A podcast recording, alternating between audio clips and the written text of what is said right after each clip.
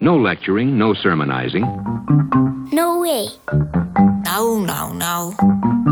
Nog een keer? In 1978 kreeg ik een boek op Sinterklaas. Ik vermoed dat ik het van mijn ouders heb gekregen. Het boek heette De Ruimte Lokt van schrijver Patrick Moore en illustrator David Hardy. Dit boek verscheen een jaar eerder in het Engels met de titel The New Challenge of the Stars. Als er bij die naam Patrick Moore een belletje gaat rinkelen.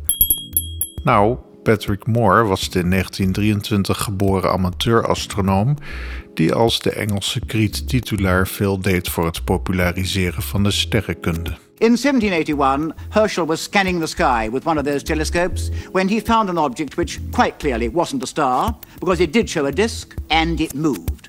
And in fact, he thought that it must be a comet, and he wrote a paper to that effect. But when its path was worked out, it was discovered that this was no comet. This was a new planet. Ik zet wel een link naar Patrick Moore's Wikipedia-pagina in de show notes van deze podcast. Dan kunt u desgewenst meer lezen over de indrukwekkende carrière van Moore. De ruimte lokt. Ik heb het boek nog steeds. Het zijn vooral de illustraties van David Hardy die opvallen. Ik kon mijzelf geheel in dit boek verliezen en wegdromen in deze visies voor de toekomst. toekomst. Dateline, December 17th, year 2116. Hello, Archie. How you feeling? Man, this time I had a dream. You had a dream? What about? What about? What about? Het is een boek dat ietsje vooruit durft te dromen zonder onzinnige science fiction te worden. Waar natuurlijk op zich ook niks mis mee is. Ik zal een klein stukje voorlezen uit het voorwoord van Arthur C. Clarke. Iedereen weet dat tientallen en zelfs honderden jaren voor de eerste zondes en raketten de ruimtevaart al een belangrijke plaats innam in de science fiction literatuur. Men zou zelfs kunnen stellen dat er zonder SF-schrijvers ook nooit astronauten gekomen zouden zijn, omdat alleen de bezielende gedachte immers de inspiratie kan leveren waaruit de realiteit opbloeit. En iets verderop zegt Clark: Ik waardeer dit boek van David Hardy en mijn oude vriend Patrick Moore vooral omdat het zo'n aantrekkelijk mengsel is van wetenschappelijk bevestigde feiten en gedocumenteerde fantasie. David Hardy's nauwgezette en tegelijkertijd sfeervolle voorstellingen herinneren ons eraan dat de maan geen einddoel is, maar slechts een eerste begin van het werkelijke ruimteonderzoek. En al op bladzijde 12 komen we de maanbasis tegen. Heel visionair lezen we hier. Als woonverblijf zal aanvankelijk een ruimtestation dienst doen dat eerder in een baan om de maan is gebracht. Nu, in 2021, wordt al gebouwd aan zo'n ruimtestation rond de maan. Het gevaarte heeft de naam Lunar Gateway en de firma SpaceX zal de eerste twee modules ervan hopelijk in 2024 al lanceren. Module 1 heet de PPE, wat staat voor Power and Propulsion Element. De PPE zal op zonne-energie lopen en zorgen voor de aandrijving en stroomvoorziening van de Lunar Gateway.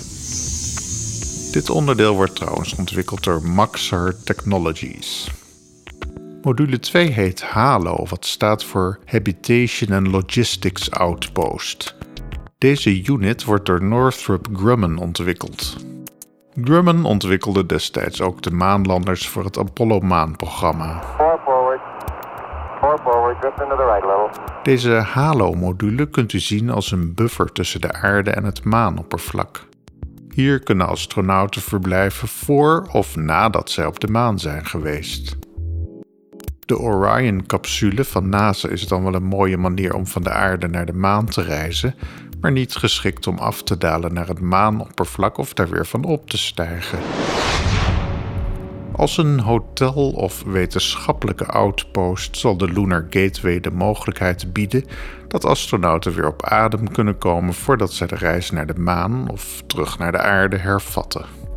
Dankzij de Russische Luna 24 maanlander, die in 1976 maansamples terugbracht naar de aarde, weten we sinds 1978 dat er op de maan water voorkomt. De wetenschappers Akmanova, Dementev en Markov publiceerden hun bevindingen hierover in de internationale wetenschappelijke literatuur. Dit is goed nieuws voor de toekomst van het maanonderzoek. Onze kinderen en kleinkinderen zullen daar ijs en wederdienende mee te maken gaan hebben, of zelfs de vruchten van gaan plukken. Een narigheid van de maan is het gebrek aan atmosfeer. Maar er is een interessante plek waar ons nageslacht wellicht gaat verblijven, en dat is onder het maanoppervlak. Daar zal men immers beschermd zijn tegen micrometeorieten en een deel van de gevaarlijke kosmische straling die ongeremd het maanoppervlak kan bereiken.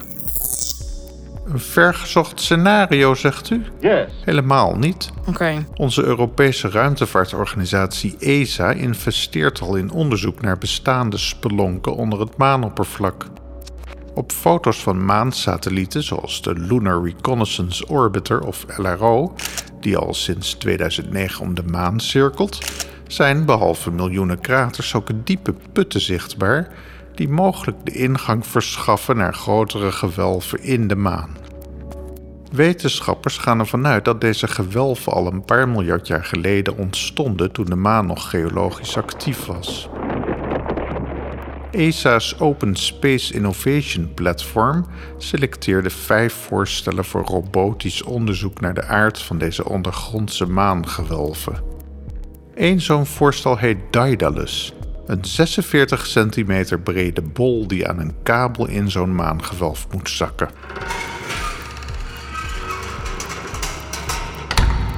Eenmaal aangeland op de bodem zal Daedalus loskoppelen en autonoom rond kunnen rollen in zo'n maanspelonk. Daedalus kunt u zelfs op Twitter al volgen als @daedalussfeer. Deze robot zal stereofoto's maken en lasermetingen doen. Voorbereidend werk voor de astronauten van NASA Artemis die later deze eeuw op de maan zullen arriveren en voor het eerst een zaklantaarn aanknippen in zo'n gewelf. Wie weet is dit bij uitstek de plaats om kamp op te slaan. In een slaapzak te kruipen in een luchtdichte constructie waar mensen kunnen ademen en slapen. Slapen, wat een goed idee. Maar voor ik het licht uitdoe, staar ik nog even naar een bladzijde in het boek De Ruimte Lokt. Of kijk ik naar een video die ik van de aarde heb meegenomen. Bijvoorbeeld Zap Your Planet of Klokhuis met Janouk. Ik ben Janouk Kelderman en ik vind dat we allemaal wel wat beter voor onze aarde mogen zorgen. Vind je ook dat we er een potje van maken hier op aarde en in het heelal? Mail dan naar hensimmerman.gmail.com Tot volgende keer.